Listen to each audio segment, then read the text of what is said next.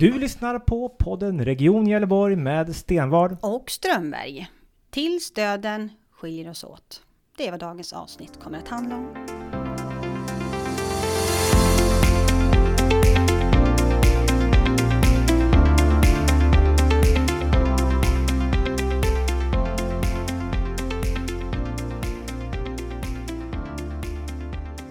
Välkommen till det andra avsnittet av podden Region Gävleborg.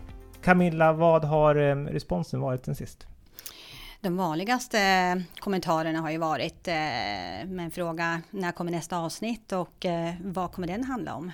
Och det ser jag väl ändå som positivt att de vill eh, fortsätta lyssna på oss, eller vad säger du Patrik? Ja, de får ju dessutom svar nu på eh, när andra avsnittet kommer och eh, vad det ska handla om. Och det kommer handla om den palliativa vården. Eh, det är ett uttryck som används mycket inom, inom vården. Men vad är det för någonting? Ja, det är ju en eh, medicinsk term egentligen som eh, vi skulle kunna översätta till eh, vård i livets slutskede. Och där man också hör på ordet vad, vad det handlar om. Att eh, man befinner sig i tillstånd som eh, ej går att eh, bota. Alltså man går från eh, formen botande till lindrande vård.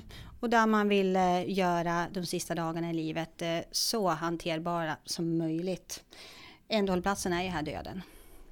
Och vi ska alldeles strax lyssna till ett samtal jag hade med Lasse för en vecka sedan här, där han berättar om sin upplevelse av den palliativa vården i Gävle när hans nära vän vårdades på ett kortis i i Gävle här. Mm. Eh, men innan vi gör det så ska vi reda ut en del begrepp och då är det ju så att när man går från det här, som du säger, från en, från en botande till lindrande, då är det en viss, då har man ett brytpunktssamtal, alltså ett samtal där man eh, tar upp det här med patienten och anhöriga. Kan du, vad, vad handlar det om? Mm. Brytpunktssamtalet eh, handlar ju allt om oftast eh, eh, om eh, sitt aktuella tillstånd och som ska hållas av en medicinskt ansvarig läkare. Där man får förklara att, eh, att den här sjukdomen eller här tillståndet går inte att göra så mycket åt annat än att eh, lindra. Och hur man nu gör eh, ska man ju ta in patienten själv och eh, vara lyhörd och lyssna till vad, vad personen har för önskemål i sina sista dagar i livet. Och man tar också med anhöriga i, den, Mm. i det samtalet där Det man då går igenom hur planen ser ut Ja. framåt. Eh, men det finns också olika delar av den palliativa vården. Eh, en del är ju den, den allmänna eh, palliativa vården och sen har vi den specialiserade. De här skiljer sig åt i sitt sätt hur de bedrivs och av vem framförallt. Och hur hänger det där ihop? Mm. Den allmänna palliativa vården eh, bedrivs av eh, personal eh, med grundläggande kunskap. Och det är kommunens ansvar att bedriva den Mm. först och främst. Och det kan ju ske på eh, oftast kommunala boenden eh, samt i patientens hem i nära, med, eh, nära samarbete med primärvården. Och den specialiserade palliativa vården ges ju till eh, patienter med komplexa behov och eh, symptom som kräver särskild kompetens. Eh, vanligen ett läkarteam eh, som är ett tvärprofessionellt team med läkare, sjuksköterska, dietist, sjukgymnast eller vad nu patienten behöver. Ehm, Och legitimerad personal krävs ju för att kunna ge exempelvis eh, eh, de läkemedel som, som patienten behöver. Det kan vara smärtstillande och ångestdämpande läkemedel och eh, kanske i en, eh, i en bild av en eh, patient som är cancerdrabbad. Det är ju vissa diagnoser som framförallt får den specialiserade, som du säger, Mm. cancerpatienter, men det finns också andra diagnoser. Men det är ju inte diagnosbundet på det sättet. Det handlar ju mer om vilka behov just den här Mm. patienten har. Mm. Och har man särskilda behov att få just de här läkemedlen, då är, ju, då är den specialiserade palliativa vården. Och det är faktiskt du och jag som ansvarar för den i, i regionens regi. Och Mm. var bedrivs den i så fall? Ja, det är ju vanligen på ett ak- akutsjukhus och kan även ske i hemmet med ett palliativt team som får komma och besöka patienten. Eh, det kan vara lite svårt där att tillgodose behoven eftersom att eh, patienten oftast behöver sina läkemedel kontinuerligt och eh, med kort varsel. Så det är framförallt på sjukhusen som vi kan tillhandahålla den. Vi ska lyssna nu på ett samtal vi hade med eh, Lasse här för någon vecka sedan. Han beskriver just hans upplevelse av den palliativa vården. Och det här var där i Gävle, på ett, på ett korttidsboende här. Mm. När hans nära vän eh, vårdades på, på Gävle strand. Eh, vi lyssnar på den och sen så, kan vi, så återkommer vi och eh, pratar mer. Det tycker jag. Jag hade en nära vän som heter Kristine som hade en väldigt besvärlig form av mun och halscancer som hon var plågad av i närmare sju års tid och var inskriven på palliativa teamet för det också. Och hon genomgick ett antal behandlingar. Det var, det var kirurgiska ingrepp, det var strålbehandling, cellgifter. Till slut kom det en dag 2018 i januari på onkologen där man kom fram till i samband med teamläkare att det inte fanns någon mer behandlande åtgärder att vidta. Utan nu var det alltså fråga om en, det var brytpunktssamtalet som hade... Och det hade man på sjukhuset? Men vi hade brytpunktssamtalet på sjukhuset tillsammans med en av palliativläkarna. Eh, och då var det alltså lindrande behandling som skulle återstå, att hon skulle känna sig så trygg som möjligt. Eh, och då ville hon först prova att vara hemma. Eh, det blev tämligen kaotiskt. Ni försökte vara hemma? Hon försökte vara hemma. De skickade hem henne med en så kallad morfinpump som man ska dosera själv. Men eh, hon åkte hem i taxi. Hon trasslade in sig i säkerhetsbältet i taxin redan i den. Och när hon kom hem så är det ju hemsjukvård och hemtjänst som ska sköta det här. Hennes situation var för komplicerad för att hon skulle klara det. Bland annat så eh, munnen full av tumörer. Sodex och matlådor mm. staplade i kylskåpet är inte grejen då. Och det var lika, eh, hemsjukvården är ju på kvälls och nattetid. På nätterna har du nattpatrull som jobbar fyra men i två enheter. De kunde vara på ett helt annat ställe när hon ringde på sin klocka och inte kom helt enkelt. Det tog tid innan de kunde komma Nej, dit? Nej, och hon hade ju, det var ju när hon fick då eh, injektioner för smärta och ångest var det väldigt viktigt att hon fick dem när hon skulle ha dem. Och det var sällan hon fick det. Det där blev för kaotiskt. Och då såg jag eh, någonting då som jag googlade på nämligen. Jag hade väl också hört att det fanns ett hospice i Gävle, på Gävle mm. strand. Jag googlade på det så såg jag ju det vi pratade om förra alltså Lena Lundgrens mm. uttalande om hospice. Eh, det var 2013 när beslutet mm. togs. Eh, ja, eh, det blir alltså tio platser där människor som står inför döden ska få en lindrande vård i en trygg miljö. och sedan så var det ju påhängt epitetet vård i livets slut. Mm. Och då kände jag att det, här låter ju bra.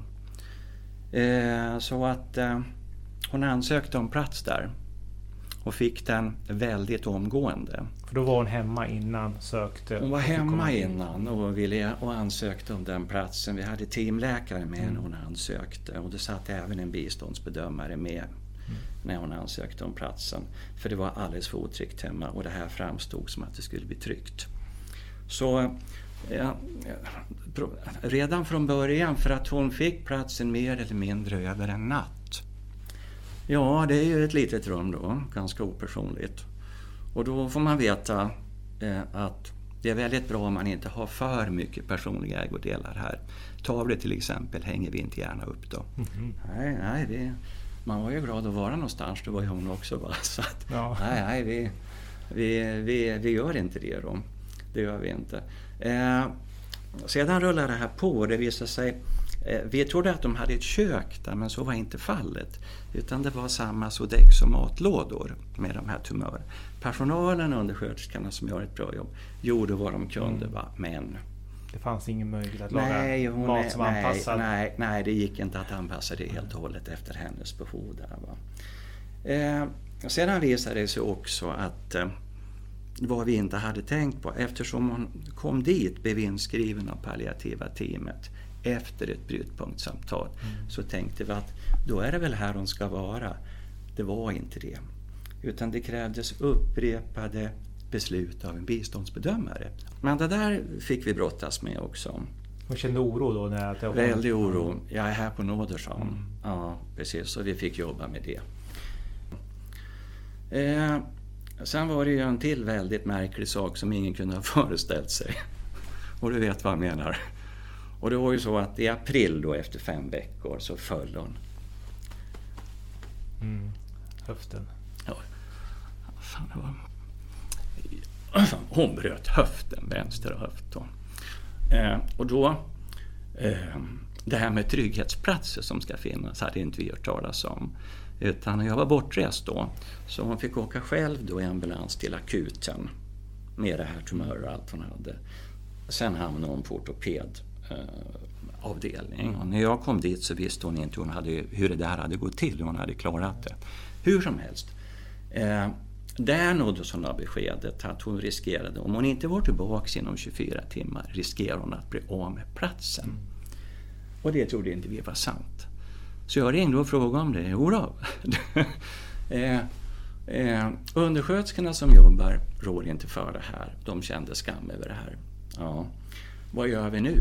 Vad ska hon ta vägen? Ja, någonstans där det finns plats. Och har vi tur kanske det finns ett annat rum här. Men det kunde hamna var som helst annars? Vad som helst. Flyttkarusell i, i det läget. Mm. Så vi lyckas alltså få platsen kvar åt henne. Men du förstår du vilken otrygghet hon hamnade i? Mm. Och det här ja. fick hon hantera då när hon var på sjukhuset? Ja, när hon låg där ja. För jag ringde henne på sjukhuset och då sa hon det, va? Mm. när hon låg där. Eh, sedan var det ju också så att eh, efter kontorstid finns det alltså ingen sjuksköterska på plats där ute och läkare kan du ju bara drömma om. Men det finns heller ingen sjuksköterska efter fyra. Utan då är det ju hemsjukvården. Och de, eh, på kvällarna är de tre fördelade över kommunen, på nätterna fyra men de jobbar två och två. Och det här betyder också att för hon, när smärtgenombrotten och ångest kom tätare, så ordinerar ju teamet det här. Eh, det var vid behov så länge hon själv kunde avgöra det.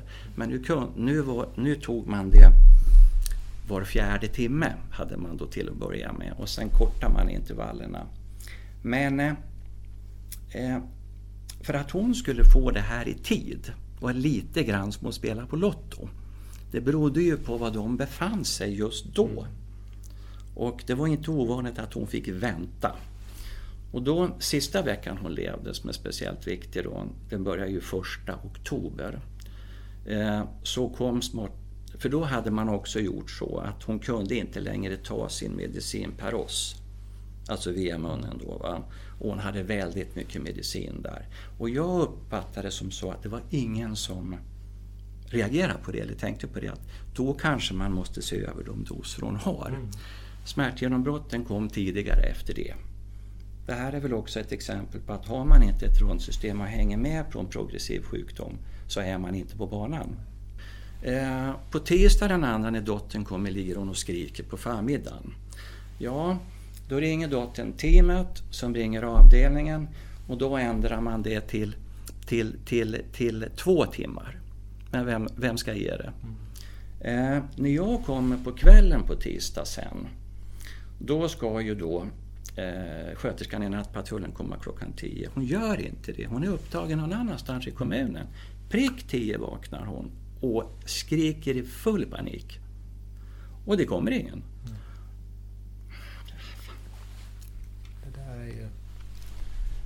Du var där då när? Ja, precis. Eh, jag satt ju bredvid, kunde inte göra något. Nej. Och bredvid satt också en erfaren undersköterska. Det fanns ingen delegering på plats. Hur reagerade de då? Ja, hon var ju jätteupprörd också. Hon kunde inte göra någonting heller. Nej. Så ni sitter och väntar där på att det ska komma ja, någon, någon gång och precis. se hur, vilken smärta, vilken precis. ångest som är... Ja. Ja, men alltså nattsköterskan kommer då och är jätteledsen och säger att de har en pressad situation. Hon visste att hon skulle vara där, men det gick inte. De, de kan ju inte vara överallt. Va? Nej. Då först, på onsdagen, börjar man prata om hur ska vi göra nu då? Man börjar prata om delegeringar då. Det börjar man göra. Eh, för då har ju tiden förkortat till en och en halv timme. Fortfarande är det så att teamet har inte tänkt på vem som ska ge dem. När jag pratade med dem om det här efteråt så sa hon att ja men eh, vi, vi då här, för det är ju slutenvården, de tillhör ju slut, tar ju ansvar för eh, att ordinera. Sen tar vi för givet att de administrerar där borta. Ja men hur ska det gå till? På kvällar och nätter vet man inte om det är någon där. För jag sa, varje gång du förkortar intervallet ökar ju sannolikheten för att hon inte skulle få dem. Ingen samverkan, samråd mellan vårdenheterna alltså. Ingenting.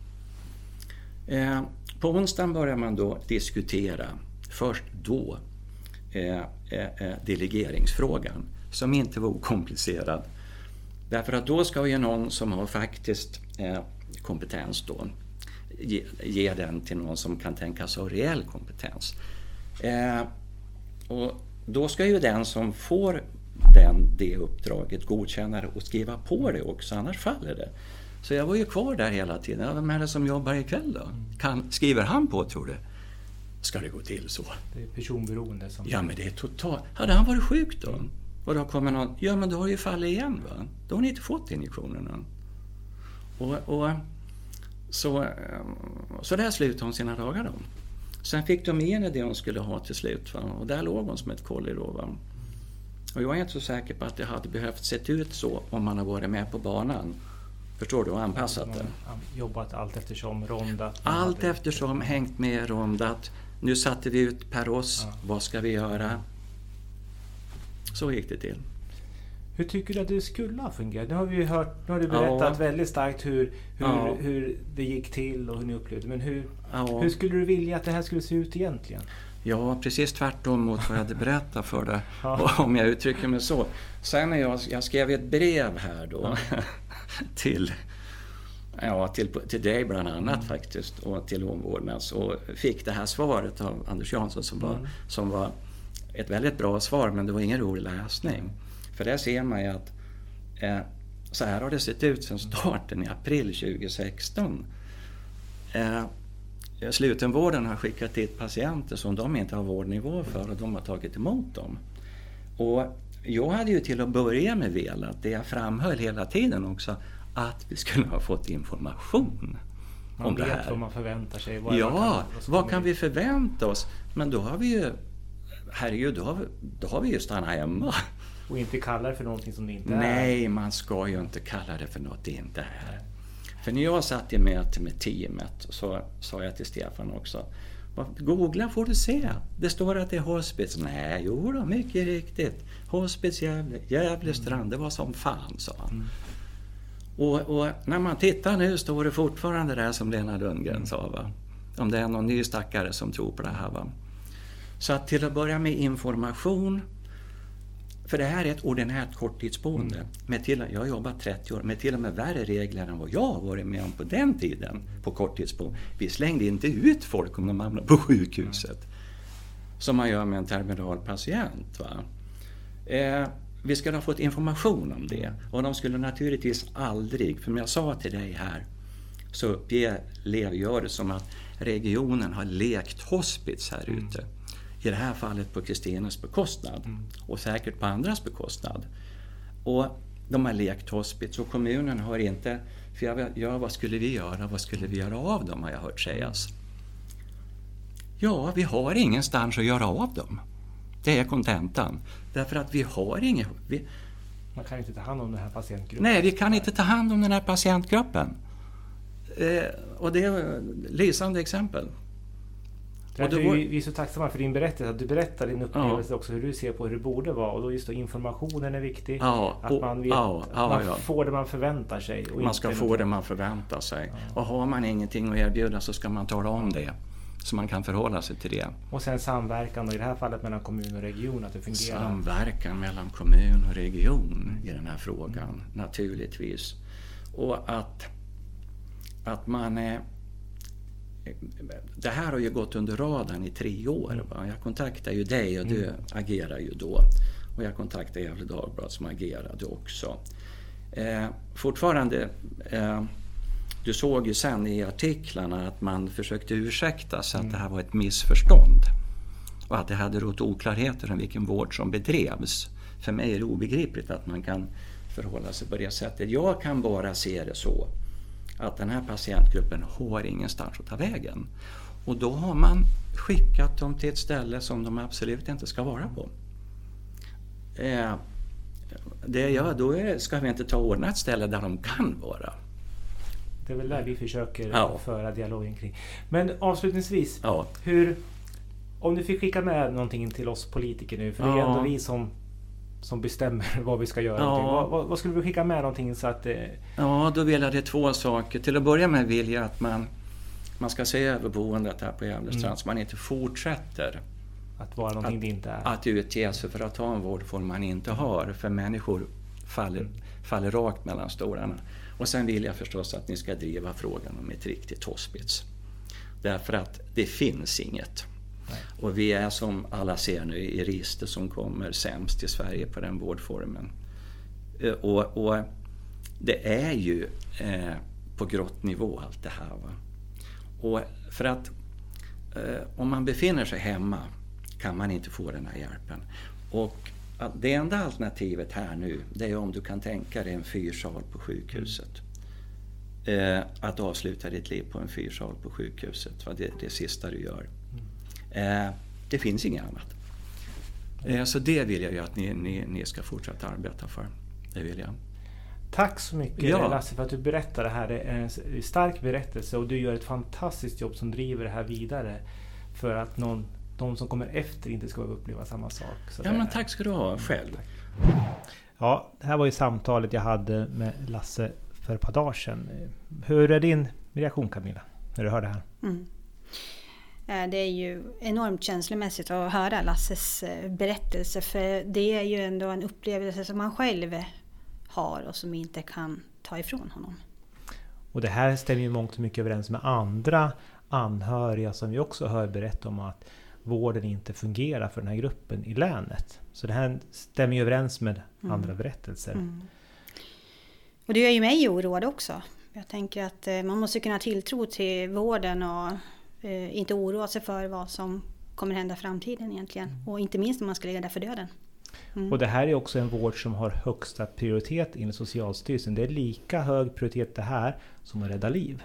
Mm. Så att det, det är en viktig fråga han lyfter upp och vi får ju också höra från andra delar att man också bekräftar den här berättelsen att vi, vi har inte en palliativ vård som fungerar som den ska. Bland Mm. annat har vi ju våra revisorer. Exakt, och de har ju granskat eh, vår palliativa vård i länet och har sett eh, stora brister på många plan. Bland annat att eh, den är ojämlik, otillräcklig. Och eh, återigen kopplar vi det till det vi har fått bekräftat av patienter och anhöriga. Som har kontaktat oss enbart eh, för det här och att det har skrivits en hel del om det här nu i media. Och de säger också att det saknas specialiserade palliativa vårdplatser. Eh, och det är också någonting som ser när vi får rapporter från nation- nationell nivå, man jämför andra regioner, så ser man att här är endast 2,5% som får tillgång till specialiserad palliativ vård. I Stockholm exempelvis, där är det 22%. Så det här visar på att vi har ju väldigt stora brister att faktiskt ge den vård som man, som man har rätt till. Mm. Så, så där finns ju mycket, mycket där, så, så att den här bilden stämmer ju väl överens med den bild som vi får från andra håll. Mm. Jag är lite nyfiken på vad eh, ansvarigt regionråd eh, har för kommentarer till det här. Eh, apropå ansvarige så vet jag där du Patrik har ju själv varit eh, kommunalråd och eh, således ansvarig för en palliativ eh, korttidsenhet. Eh, exempelvis Gävle strand. Det är ju Lasse, det han lyfter upp är ju Gävle strand just. Ja. Och det var ju någonting som ligger under Gävle kommuns ansvar har varit. Och jag var ju ansvarig för, för Gävle kommun under några månader förra året. Och jag kan säga så att jag vart ju på... Det här vart ju upplyft av Lasse till mig Mm. som kommunalråd. Jag varit väldigt bedrövad när jag såg att det här inte fungerade. Jag trodde att det här fungerade. Men det är väl klart att man måste vara självkritisk och säga hur Mm. kunde vi låta det här inte fungera helt Mm. enkelt som, som ansvarig i kommunen. Men det är också viktigt att komma ihåg att det här är ett ansvar som delas mellan region och kommun. Mm. Ingen kan lösa det här på egen hand. Därför måste man jobba tillsammans. Mm. Men jag, som sagt det, jag har funderat många gånger på vad det var som gick fel när vi gjorde det här i Gävle kommun. Så, Mm. så det är bara att vara självkritisk, helt klart. Men det här är ingenting som är eh, ett nytt ämne egentligen utan vi har ju velat det här under många år med hospice, att det, det ska finnas i vårt län. Och det gäller ju egentligen o, det, ska, det spelar liksom ingen roll egentligen var i länet det är utan att vi har ett eller kanske till och med flera. Det saknas ju som sagt palliativa platser för just specialiserad vård och då är ju hospice ett begrepp som också Lasse lyfter fram. Mm. Men han skulle vilja säga att vi har ett hospice. Mm. Eh, och vi har varit och tittat på hospice uppe i Sundsvall, Mellannorrlands hospice. Och det är ju någonting jag skulle rekommendera alla som jobbar med de här frågorna. Gör ett besök där och se vilken fantastisk verksamhet det är. Mm. Eh, och vi vill ju ha sånt här hos oss. Att Mm. våra länsinvånare får tillgång till lika bra palliativ vård som man har där uppe. Nu var det ju några patienter från vårt län som faktiskt har vårdats i livets slutskede där i, på Mellannorrlands hospice. Så jag kan tillägga att det är ju en stiftelse som är en, en väl fungerande verksamhet där man har en höjd, hög eh, kundnöjdhet. Där anhöriga berättat att de har fått en, en värdig vård. Ehm, och där ser jag ändå som att de anhöriga är också med i hela bilden utav de som ska vårdas. Det handlar om att ta hand om anhöriga. Man kan Mm. vara med, man kan vara med boenden på platsen där. Man skapar ju en, en trygg, rogivande miljö Mm. eh, där man kan vara med sin familj. Och det, när man kommer in där så märker man ju att det är ju inte en vårdinrättning, det här är ju någonting annat. Eh, Nej, jag kände faktiskt själv att här skulle jag kunna tänka mig ligga Mm. i mina sista dagar. Så det är någonting som vi vill och också som- man hör Lasse vill också att vi Mm. ska få till här i Gävleborg. Det har ju gått ganska trögt men jag tror väl ändå att vi kommer kunna få till det förr eller senare och gärna förr. Att vi har gjort det så fort som möjligt. Och som du säger också, för oss är ju inte det viktigaste vilken byggnad eller var det ligger, det är att vi får till den här specialiserade palliativa Mm. vården och då är som vi ser hospice en bra del. Och hospice är inte mer kostsamt per vårdplats Det jämfört med någon annanstans egentligen. Jämför man exempelvis vad våra vårdplatser Mm. kostar med exempelvis vad det kostar i Sundsvall så är Mm. det dessutom billigare. Mm. Om det nu skulle vara någon tröst för någon att det blir billigare. Men, men som sagt var, vi har ju önskat det här länge. Men som sagt var, vi kämpar på. Eh, Jag tror att Lasse kommer fortsätta kämpa på. Mm. Och vi har ju många andra partier som också gör det. Det är egentligen bara de här som sitter med ytterst ansvaret för tillfället som inte riktigt är med på det. Mm. Men Och där tycker jag att vi har ett underlag. Det jag kraftigt. Det har sagts att vi inte har ett underlag i ett lä- län och det har vi ju. Alla gånger. Vi har för få platser idag. Överhuvudtaget. Mm. För palliativ vård. Det här var vårt andra avsnitt. Handlade om eh, den palliativa vården, eh, vård vid livets slut. Vi kan konstatera att eh, vi har brister, det finns lösningar och vi har, och vi har mycket att göra. Och eh, vi vill helt enkelt säga tack så mycket för att ni har lyssnat. Och vi finns ju på sociala medier och då heter vi M Gavleborg, eller hur? Ja. På Facebook, Mm. Instagram och vad det nu kan vara. Och Spotify kan man ju höra det här avsnittet på. Ja, Mm. och har man några tankar, idéer, vad man vill att vi ska lyfta upp och diskutera, eh, om det finns intressanta personer man vill att vi ska bjuda in så skicka ett mail eller gå in på sociala medier och eh, tala om för oss så ska vi göra allt vi kan för att vi ska ge den sanna, ärliga bilden av vad som händer inom regionen. Tack för att ni har lyssnat. Tack själv.